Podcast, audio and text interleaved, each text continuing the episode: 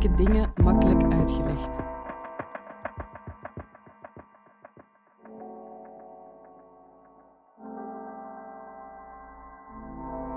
Dit is de podcast van Moeilijke dingen makkelijk uitgelegd. Wie de wereld wil verbeteren, moet wel begrijpen hoe die werkt. Daarom laten we in Moeilijke dingen makkelijk uitgelegd een expert 10 minuten aan het woord om een complex onderwerp uit te leggen. Deze keer legt Ruben Mersch uit of je altijd gelijk hebt. Uh, uh, we hebben allemaal meningen. We leven in een totale meningenmaatschappij. Het lijkt wel alsof iedereen de laatste tijd overal een mening over heeft. Over uh, kernenergie, over, over Poetin, over de coronavaccins natuurlijk, over de rol van de bondscoach en of hij het al dan niet goed gedaan heeft, of het zijn schuld was allemaal. We hebben allemaal overal meningen over. En het grappige is dat die meningen vaak diametraal tegenover elkaar staan. Dat we totaal oneens zijn met elkaar, maar toch vinden dat wij gelijk hebben. En nog meer, dat we ook vinden dat de feiten ons gelijk geven. Hè, dat onze meningen goed onderbouwd zijn. Hoe kan het dat we op basis van dezelfde feiten toch tot diametraal tegenovergestelde meningen komen? Nu, we hebben heel lang gedacht dat mensen rationele wezens waren. Dus dat we, als we voor een mening vormden, eerst alle relevante feiten gingen verzamelen, daar dan heel lang en hard over gingen nadenken om dan een weloverwogen beslissing te nemen, een weloverwogen mening te vormen. Nu, zo, zo werkt het niet. en, en, dat het niet zo werkt, is eigenlijk eh, vrij makkelijk te bepalen als je gewoon kijkt naar hoe discussies verlopen. Stel dat we rationele wezens zouden zijn, dan zouden discussies ongeveer zo gaan. Uh, stel, ik ben van mening aan het verschillen met een andere persoon, die hier nu staat. Uh, en ze zegt, ja, uh, ja interessant punt, maar wacht even, ik lees hier een, een, wetenschappelijke studie en daar staat zus en zo. Dan zou die ander zeggen van, ah, wacht even, mag ik ook even lezen? Ja, ja, Hm? Goed punt. Ik pas mijn mening aan. Dat gebeurt bijna nooit. Mensen die hun mening aanpassen op basis van feiten is een zeer zeldzaam gegeven. Het gebeurt soms in academische settingen en zo, maar het is zeldzaam. Ik weet niet of jullie dat, als jullie zelf eens kijken op Facebook, ook daar zie je meestal dat discussies niet zo verlopen. Er is nog een reden om aan te nemen dat we onze mening niet altijd baseren op een grondige kennis van feitenmateriaal. Heel veel mensen zijn in staat om een mening te hebben zonder enige kennis ter zake. Een grappige illustratie. Een tijdje geleden was er een uh, enquête bij republikeinse stemmers met de vraag, moeten we Agraba bombarderen? En 30% vond dat, goed, vond dat een goed idee. Platgooien, die Agraba. Uh, het, het, een beetje grappige is dat Agraba niet bestaat. Uh, Agraba is een imaginaire stad uit de stad Elleden. Nu, dat, dat mensen meningen kunnen hebben zonder feiten, zie je ook als je gewoon Facebook open doet. Er zijn heel veel mensen met een stellige mening over het coronavaccin die eigenlijk niet echt weten wat het verschil is tussen een bacterie en een virus. Uh, en misschien betrap je zelf ook af en toe op hebben van een mening waar je zelf achteraf denkt van hmm, misschien weet ik er toch niet zo vreselijk veel van af. Nu, hoe zit de relatie tussen meningen en feiten dan wel? Dan Keen is een uh, Amerikaans onderzoeker en die, dat is eigenlijk zijn, zijn thema van de afgelopen 15, 20 jaar. En in een van zijn experimenten ging over klimaatopwarming. En wat hij deed was dat hij zijn proefpersoon, dat waren er een paar honderd, uh, eerst een soort examen aflegde om te bepalen hoeveel ze wisten over klimaatopwarming, hoeveel ze wisten over klimaatwetenschap. Uh, daarna vroeg hij hun mening over de vraag van ja, zijn mensen nu al dan niet verantwoordelijk voor die opwarming? En het, datgene, de eerste resultaten waren eigenlijk weinig verrassend, een beetje voorspelbaar. Mensen die er meer van afwisten, die beter waren in klimaatwetenschap, gaven ook vaker het juiste antwoord, namelijk dat mensen de hoofddader zijn van de opwarming. Geen verrassing. Maar toen kwam hij op een slim idee en hij besloot zijn proefpersonen onder te verdelen in twee groepen. Enerzijds republikeinen, die nog heel vaak denken dat die hele klimaatopwarming een soort samenwering is van de Chinezen, of een manier van de overheid om nog meer geld uit onze zakken te kloppen.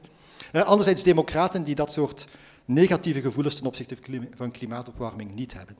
En wat bleek bij democraten, zag je hetzelfde als in het begin. Hoe meer ze ervan afwisten, hoe vaker ze inderdaad het correcte antwoord gaven dat mensen grotendeels verantwoordelijk zijn voor die, of de menselijke uitstoot verantwoordelijk is voor die opwarming. Maar bij republikeinen zag je het omgekeerde. Republikeinen die heel veel afwisten van klimaatwetenschap, waren net vaker, gaven net vaker het foute antwoord, dachten vaker dat mensen niet verantwoordelijk waren. Dat onderzoek is verschillende keren herhaald, niet alleen met klimaatwetenschap. En eigenlijk hetzelfde patroon doe ik altijd op. Feitenkennis. We hebben altijd gedacht, als je mensen maar de juiste feiten geeft, dan zullen ze ook wel ongeveer hetzelfde gaan denken. Dat is dus niet zo. Heel vaak is dat in alle gepolariseerde debatten, debatten met een grote ideologische, emotionele lading, zie je net het omgekeerde. Daar gaan feiten ervoor zorgen dat mensen verder van elkaar afkomen te staan. Dus het is niet zo dat we eerst de feiten verzamelen en dan pas een mening vormen. In dat soort emotioneel geladen debatten gebeurt het omgekeerd. Daar hebben we eerst een mening en daarna gaan we die feiten passen, pakken die, ja, die daarbij passen. We gaan daar eigenlijk niet denken als een rechter die probeert te bepalen wat juist is en wat fout, maar als een advocaat die het probeert om ons standpunt te verdedigen. We gebruiken feiten daar zoals een zatlamp een lantaarnpaal gebruikt, niet als verlichting, maar enkel als ondersteuning. Maar dan zitten we dus wel met een probleem. Nu, de eerste vraag is dan van, ja, waar komen die meningen dan vandaan? Uh, soms is dat heel banaal eigenbelang. Uh, als ik een directeur ben van een plasticfabriek, dan ben ik er hoogst van over, hoogstwaarschijnlijk van overtuigd dat plastic niet vervuilend is. En als je een bedrijfswagen hebt, dan vind je dat een zeer goede fiscale oplossing, waarschijnlijk. Maar het gaat dieper dan eigenbelang. Uh, wij mensen zijn kuddedieren. En heel vaak wordt een mening een deel van onze identiteit.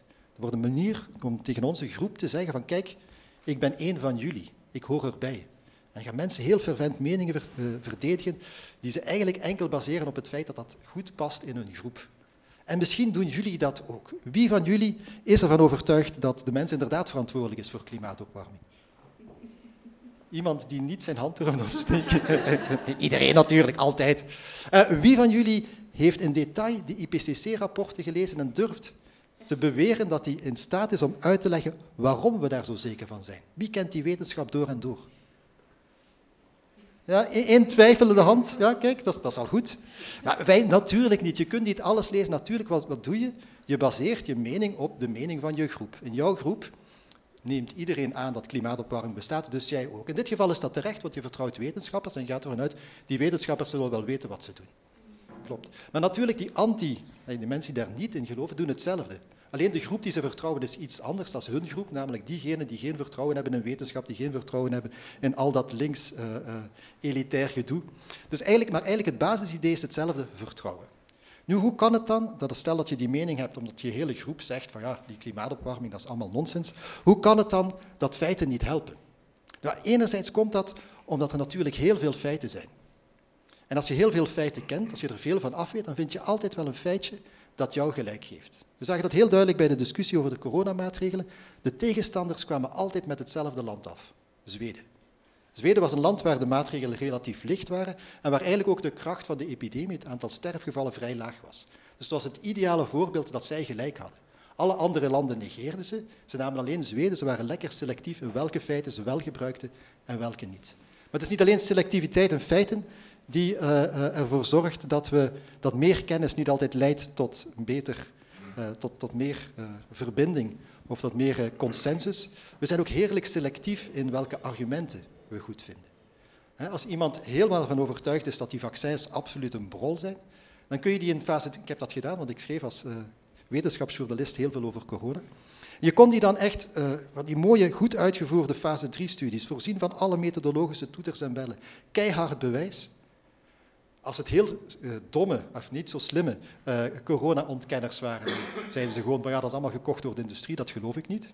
Waren het heel slimme uh, ontkenners, dan zeiden we ja, maar op pagina 16 in die voetnoot staat een foutje en daarom is volgens mij die hele studie fout. Als het niet in onze kraam past, dan leggen we de lat heel hoog. Dan moet een argument echt wel ijzersterk zijn eer we het geloven en zelfs dan geloven we het niet echt. Maar natuurlijk, als het iets is waar we het wel mee eens zijn, dan leggen we die lat veel en veel lager een gek filmpje van een of andere YouTube-kerel, uh, die ergens aan de rafelranden van de wetenschap zit, is dan al gedoe van, ah ja, maar die geeft mij gelijk, dus het is waar, dit is goed onderbouwd. De lat ligt dan bijna op de grond. Argumenten die met spuug en paktouw aan elkaar houden, vinden we dat toch overtuigend. Dus het is eigenlijk onze mening die beslist, onze voorafgaande, vaak irrationele redenen, mening die beslist welke argumenten we al dan niet overtuigend vinden. Nu klinkt dit allemaal heel erg negatief. Is niet bepaald een optimistisch verhaal. Uh, het lijkt erop dat we gedoemd zijn om in onze eigen bubbel te blijven leven met onze eigen argumenten, onze eigen feiten, uh, onze eigen waarheden. En toch is er gelukkig ook nog hoop. Diezelfde onderzoeker heeft uh, ook onderzocht welke mensen daar niet vatbaar voor zijn. Welke mensen zich niet zomaar laten leiden door hun voorafgaande mening, maar wel op zoek gaan naar iets meer inzicht in deze werkelijkheid. En heeft één groep gevonden, namelijk mensen die nieuwsgierig zijn Nieuwsgierige mensen passen een mening wel aan als ze nieuwe feiten leren kennen. Misschien nieuwsgierige mensen moeten geen gelijk krijgen, die vinden, willen gewoon meer inzicht, meer begrijpen. Dus we hebben nu eigenlijk de hele wereld gevaccineerd met het coronavaccin. Dat was een enorm succes. En nu hebben we een nieuwe uitdaging. Nu gaan we een of andere manier een manier moeten vinden om de hele wereld te vaccineren tegen polarisatie. En dat kan volgens mij met een enorme dosis nieuwsgierigheid. Bedankt. Je luisterde naar moeilijke dingen makkelijk uitgelegd. Mijn naam is Selma Fransen en samen met Curieus en Mo organiseer ik deze evenementenreeks. Deze podcast werd opgenomen tijdens het Festival van de Gelijkheid 2022. Wil je graag reageren of een evenement bijwonen? Kijk dan op de Facebookpagina van Moeilijke Dingen Makkelijk Uitgelegd.